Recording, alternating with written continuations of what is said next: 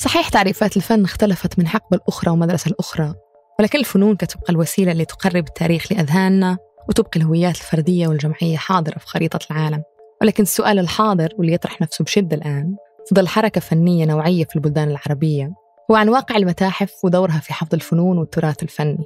وش قدرنا نتخفوا من النظرة الاستشراقية تجاه الفنون المحلية بحيث نصنفها تبعا للمنشأ ونصونها وفق ذلك؟ هل المجال أصلا مفتوح لتطور الفن دون هذه القوالب؟ فنضمن ازدهارها وتفردها. وكيفاش الأجيال المقبلة غادي تشوف الفنون وتوائمها مع هويتها المحلية؟ نستضيف في هذه الحلقة الأكاديمية مها سنان لنناقش مستقبل الفنون والتراث في العالم العربي ونسأل عن الجهود المبذولة لصونه قبل ما نبداو أدعوكم لمشاركة الحلقة مع كل من يهمهم الأمر. وإذا كان عندكم أي سؤال يشغلكم كلما تطلعتم لمستقبل أفضل أو مقترح ضيف أو موضوع شاركوه معنا على بريد البرنامج بكرة دوت كوم. وش كان أهدافها لما نقول الجمعية السعودية للمحافظة على التراث يعني مسكت المنصب أول مرة يعني وش التصورات اللي كانت في راسك ولا المسائل اللي شعرتي أنه من اللازم حلها لأنه كلمة صون التراث فيها التراث المادي وغير المادي العادات والتقاليد والممارسات والأشياء الأخرى اللي تمارس آه، فعليا من قبل جهات حكومية زي صون المواقع الآثار والى وإلى آخره. فكان أول تحدي إنه أرجع أعيد قراءة الاستراتيجية ونقننها بشكل إن إحنا نبحث عن الأولويات. وإذا عرفنا وين مواطن الضعف والقوة في المحافظة على التراث آه، من من خلال القطاع العام أو الخاص أو حتى الأفراد نتلمس وين مكان الضعف ونبدأ إحنا اللي نعبي الفراغات. لأنه بدل ما ننافس مثلا كجمعية بدل ما ننافس قطاعات حكومية ولا قطاعات خاصة في مسار من مسارات المحافظة على التراث الأفضل إن إحنا نشوف وين الجوانب التراث المهددة أكثر واللي تحتاج صون عاجل واللي ما في جهات تقوم بحمايتها وتكون هذه هي الأولوية عندنا. النقطة الثانية اللي أيضا كانت موجودة في الاستراتيجية على استحياء أنه بما أن السعودية أكثر من 70% من الشباب وبما أن في حالة فصل بين التراث والمعاصر في السعودية بسبب التغير المفاجئ من مرحلة إلى مرحلة قبل وبعد النفط فكان في انفصال. خلينا نقول عدم وعي كامل بماهية التراث وعلاقته بالهوية وإيش هوية هذا هذا الجيل؟ كان عندهم نوع من عدم الثقة في هويته أو عدم معرفة ما هي هويته بمعنى أصح. فاشتغلنا على أن إحنا نتوجه للشباب ونعيد تأطير مفهوم التراث بما يتناسب مع الهوية ونشرك فيها بأدواته المعاصرة. من من أسابيع كان معرض للفنان ديلاكروا في المتحف الوطني بالرباط. وطريقة الطرح كانت وكأنها منفصلة كليا عن الأشياء اللي إحنا كجيل حالي نفهمها ونود استيعابها في الفن. بالعادة كيف كنا نوثق الفنون المحلية أو الفنون عموما؟ وبعدها بيكون السؤال كيف كان العتب؟ يعني ما الذي فعلنا خطأ؟ في توثيق هذه الفنون؟ أنا ما أقدر أعمم ولا حتى أتكلم عن آه، على مستوى إقليمي إحنا صار عندنا في الجزيرة العربية أو في السعودية عندنا مراحل آه، كانت الفنون جزء لا يتجزأ من إرثنا الثقافي وكان عندنا الأسلوب المحدد اللي يعطينا صورة مختلفة عن الآخر وما يعيبنا هذا الاختلاف مصر على سبيل المثال كان فنونها مرتبطة تماما بمفاهيمها المعتقدية أو ديانتها. آه، مفاهيم الجمال آه، محددة بتحقيق آه، أهداف معينة في الفنون ما هي بنسب أو تناسب أو غيرها. إنما حركات معينة لازم تظهر في الفن.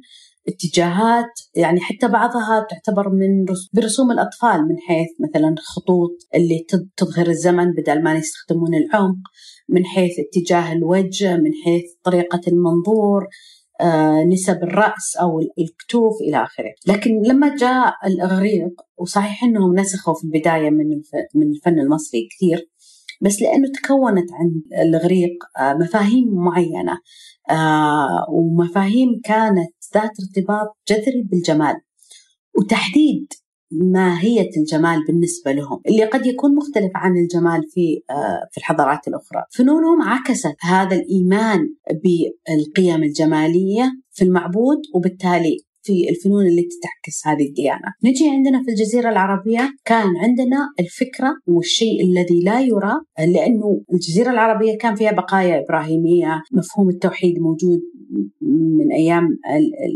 الحميريين وغيره وبرضه لأنها بيئة صحراوية بالغالبية وبيئة تعتمد على الكلمة وعلى الاختزال، الاختزال مرة مهم في ثقافة الجزيرة العربية، فهذا أيضا انعكس على فنونها، كان التجريد جدا عالي لاختزال المفهوم اختزال الفكرة، وأغلب الفنون القديمة كان فيه اختزال عالي، لكن في نماذج خصوصا في الفترة الهلينستيه وقت التأثر تبادل انفتاح على الآخر كان فيه تأثيرات أخرى وأساليب أخرى غير الأسلوب التجريدي. هذا الفكر التجريدي تلائم مع ظهور الإسلام وفكرة أنه المعبود لا يمثل لا يرى ولا يمثل. المسلمين أخذوا هذا الفكر وخصوصا اللي هاجروا من الجزيرة العربية في العصر الأموي واستقروا في دمشق. بدليل أنه بدايات ممارسة الفنون في العصر الأموي كانت فيها خلينا نقول فيها مسارين.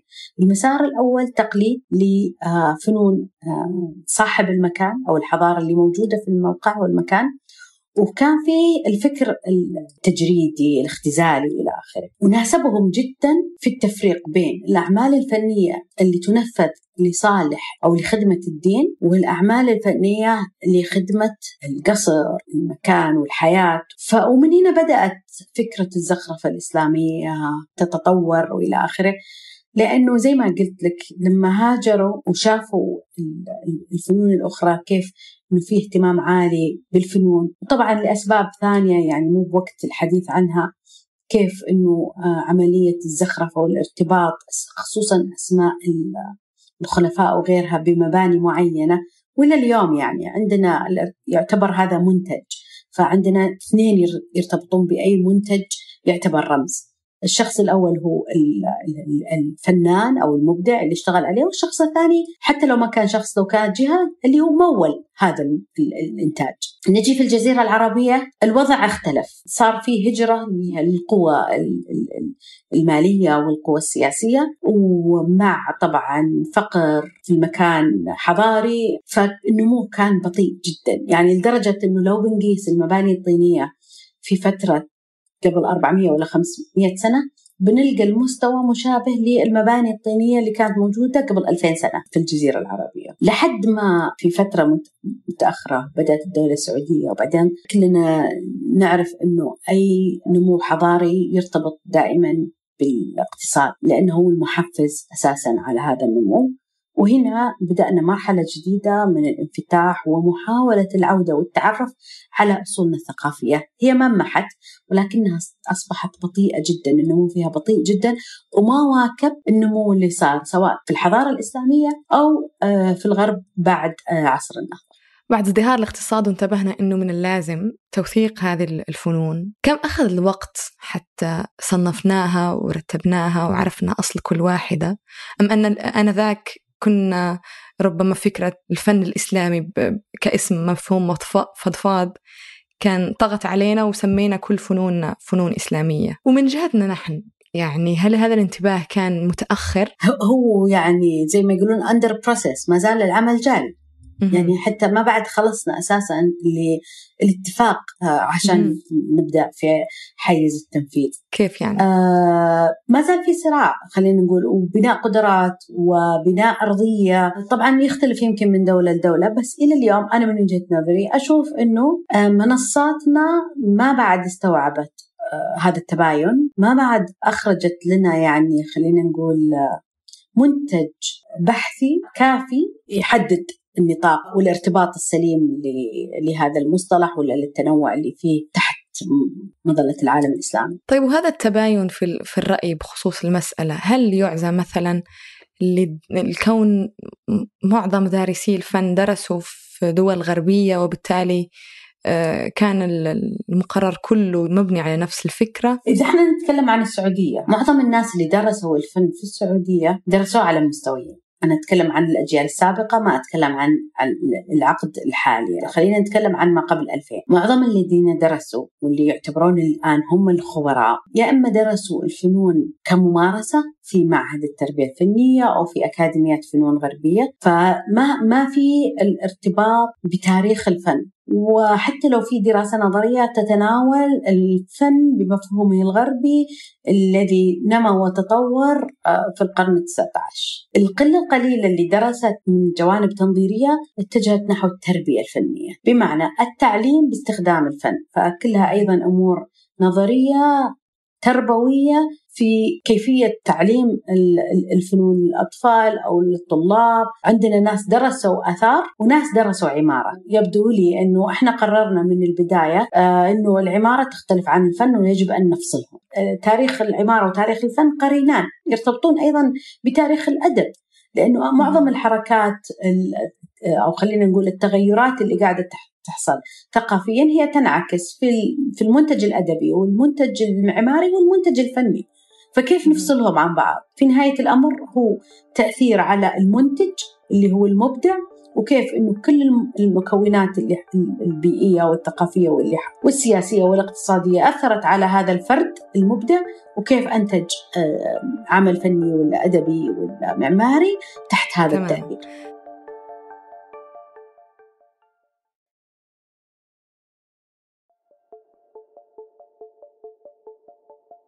طيب أنت ذكرتي المخاطر والتحديات اللي ربما لازلنا غير واعيين بها مئة بالمئة. عن أي المخاطر نتحدث بالضبط فيما يخص؟ خليني أجيب لك واحدة من المخاطر اللي أنا شخصيا أخشاها. كم التطور وسرعة اللي قاعدة تصير واللي تأثر بشكل مباشر على فنوننا ومع العولمة والمعاصرة والاتجاه إلى عمل فني عالمي ما هو مرتبط بمكان ولا ثقافة. آه، أحس أنه إحنا راح نتجاوز حتى هذه المرحلة اللي آه، نعترف أو ما نعترف بكوننا جزء من الفن الإسلامي المعروف أو حتى تصنيفه. يعني المقصد أنه أنا أتخوف من نحن نتجاوزها تماما ونعتبره تاريخ ماضي لا لا يستحق إعادة الزيارة وإعادة طرح والنقاش. وإعادة التصنيف بمعنى أصح. يعني وكأننا نعود ونكرر نفس ما قام به المؤرخي الفنون مجرد مرحلة وانتهى وخلنا نتجاوزها. وأن المستقبل أهم وإنه اليوم إحنا ما فيه انتماءات وإن إحنا آه عالم واحد بفضل هذا الانفتاح والاحتكاك. أنت ذكرتي أكثر من مرة في الحوار الآن وهذا يعني سؤال خطر لي حاليا إنه الفرق بين صون الفن وتوثيق الفن. فلما نتحدث عن صونه هل هذا يعني إنه بيستمر بنفس الطريقة مثلا آه، زخرفات ونقوش أم أنه صون لكن تطور؟ هذه النقطة اللي يقع فيها أو خلينا نقول المشكلة اللي يقع فيها كثير من الناس اللي آه، يعملون على صون التراث. يعتقدون أنه صون التراث هو المحافظة عليه كما كان وهذا أكبر خطأ ممكن إحنا نقع فيه. في نهاية الأمر التراث هو جزء من هويتك. وبعدين في مفهوم أشمل من مفهوم التراث اللي هو التراث الثقافي.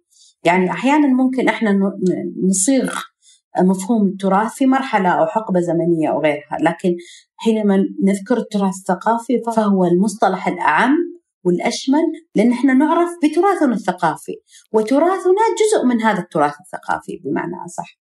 فعملية التوثيق لابد أنها تكون طبعا مرتبطة بحالة هذا التراث وقت اكتشافه وأيضا حتى محاولة تتبع التغيرات اللي صارت عليه في المراحل الزمنية المختلفة وهذا جزء من التوثيق. لكن عملية الصون معناها الاستدامة. تدخل فيها عملية الاستدامة لأنه صونة معناها تدخل فيها التطوير بدون إخلال بجوهر هذا التراث. طيب لو نسقط هذه هذه المعادلة على شيء ملموس فنيا الآن مثلا. كثير من المدن اليوم في الغرب آه، عندها سياسة أنه إذا هذا المبنى له عمر معين يمنع عليك أنك تخرب الفساد أو الواجهة للمبنى. يظل الفساد كما هو مع يعني إعادة اللون إلى اللون الأصلي أو تغيير اللون لكن كتصميم كحافظ على الفساد. لكن خلفه آه، ممكن أنك تعيد بناء الجدران آه، توسع تصغر. لكن أهم شيء أنه الواجهة للمبنى عشان المنظر الشارع المكان إلى آخره. في حديثنا عن التوثيق نفسه مسألة صون صون الفنون وصون التراث دائما نذكر المتاحف. في متاحفنا الخاصة. لكن ما الذي ينقصنا حتى نخلق هذا التفاعل بين الفن اللي هو من قديم وجيل حالي؟ فرد في العشرينيات يرى مثلا هذا العمل الفني المحلي لأول مرة. آه طبعا إحنا في السعودية أنا بتكلم طبعا عن حالة السعودية. وقبل كم سنة عملنا عدة بحوث وكان فيها استبيانات ونزلنا خلينا نقول ناخذ يعني استجابات من زائر المتحف برضو استعنا بالناس اللي يشتغلون في مؤسسات ثقافية أو في قطاعات حكومية مرتبطة بالمتاحف وحتى صالات الفنون كان السعودي قبل فترة لما يسافر عنده الاستعداد العالي إنه يزور متحف أو قاعة فنية وغيرها، لكنه ما عنده شغف بزيارة المتاحف المحلية. السبب طبعا هي سمة أو السمة اللي كانت موجودة وقت تأسيس المتاحف المحلية، لأنه ما كان عندنا متاحف فنون بمعنى متاحف الفنون، والمتاحف اللي موجودة كانت مرتبطة بهيئة الآثار أو هيئة السياحة والتراث الوطني اللي كانت تهتم بالآثار، وكانت لها جانب وظيفي محدد اللي هو عرض المكتشفات الأثرية. بعض المتاحف مثل المتحف الوطني في محاولات التفاعل وفي يعني تطبيقات جاذبة وإلى آخره. وأنا صراحة إلى اليوم وأنا من الناس اللي تستمتع جدا بزيارة المتحف الوطني. وأول ما افتتح المتحف الوطني كان فعلا جاذب. أو خلينا نقول يجب علينا كمتابعين آه إن إحنا نتوقف حاليا أو نؤجل الحكم على وضع المتاحف لأنها تحت مرحلة إعادة رؤية كبيرة وضخمة، تخلينا نتذوق هذا النوع من العروض في الوقت اللي يتم فيه إعادة البنية التحتية كاملة للمتاحف عشان تكون جزء منها.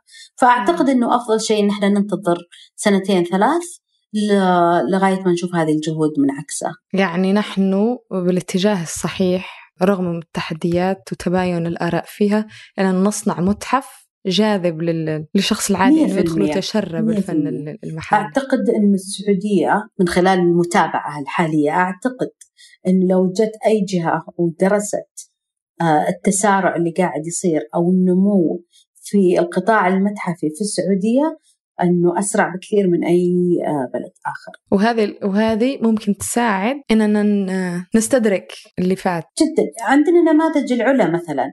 عملت آه، مرايا، عملت المتاحف المفتوحة. وهذا يعني نموذج فقط منطقة واحدة. غير طبعا اللي يسوونه القطاعات الأخرى آه، والجهات الأخرى سواء كانت حكومية ولا شبه الحكومية وهل وهل الحركات السياحية السعودية الآن بتأثر بشكل ما على مسألة المتاحف وتوثيق الفن؟ وكيف بيكون تأثيرها؟ لما نجي من ناحية الأنظمة التغييرات الجذرية اللي صارت آه، في فتح السياحة وفتح التأشيرات السياحية للأجانب. شيء شيء أكيد عظيم ومحفز. كنت شخصيا آه، أخشى من عدم جاهزيتنا كبنية تحتية زي ما تفضلتي كمتاحف كفنادق. لكن جاء كوفيد 19 آه، ساعد صحيح أنه اقتصاديا أثر لأنه كنا نبغى ندرس ونتذوق ونشوف كيف بتكون ردود الأفعال السياح على الموجودات اللي عندنا إلى آخره.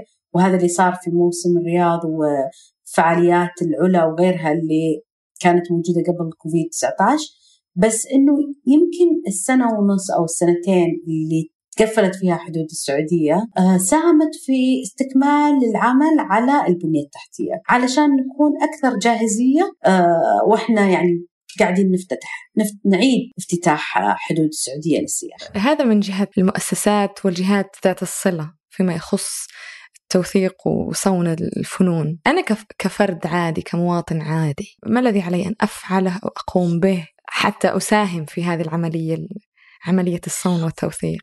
إذا إحنا بنتكلم عن المجتمع السعودي بالنسبة لي يقع عليه تقع عليه مسؤولية كبيرة. خليني أقربها لك بمثال. أنا من النوع اللي أعتقد أن الأفلام مادة دسمة للتعلم أو خلينا نقول وسيلة ممتازة للتعلم خصوصا الأفلام. أنا أحب الأفلام اللي فيها جانب تاريخي. لما أشوف الفيلم وهو على فكرة ما يكون فيلم وثائقي فيلم دراما لما تجي المعلومة أوقف الفيلم وهذه ميزة مشاهدة الأفلام في الوقت المعاصر مو زي أول. أوقفه وأدخل على على طول أفتح الجوال وأبدأ أعمل بحث. أبغى أعرف أكثر عن المعلومة اللي تو آه، شفتها في الفيلم. فصارت عملية مشاهدة الفيلم عملية ثقافية بالنسبة لي أو تعريفية أو تزيد من معلوماتي لأنه أنا ما أكتفي فقط بالفيلم وإنما عملية البحث اللي تصاحب مشاهدة أي فيلم. فتخيلي لو كنا إحنا نتعامل مع العمل الفني بنفس الطريقة. لما نشوف عمل زي ما تفضلتي عمل لفنان أجنبي آه، مرتبط بحقبة زمنية معينة هل أنا أكتفي بالمعلومات اللي أعطاني إياها الكريتر أو القيم أو المنسق المعرض؟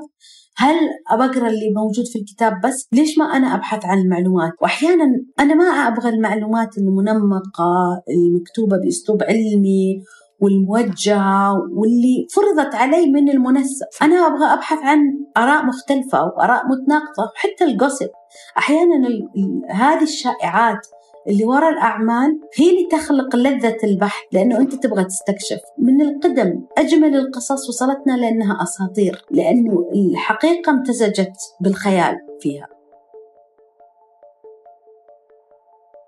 أنتج هذه الحلقة مرام ضبيبان هندسها صوتيا عبد الله المالكي حررها أحمد حامد وفي التنسيق فايزة المطيري. ما تنسوش تشتركوا في نشرة بكرة نشرة بريدية أسبوعية تصلكم كل أربعاء.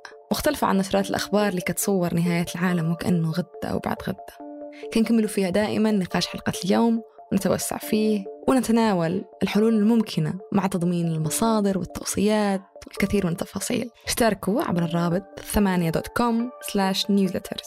كذلك تنسوش تقترحوا علينا أسماء ضيوف أو مواضيع أو أسئلة دائما تخطر في بالكم كلما تطلعتم لمستقبل أفضل. على بريد البرنامج بكرة at 8.com نشوفكم على خير.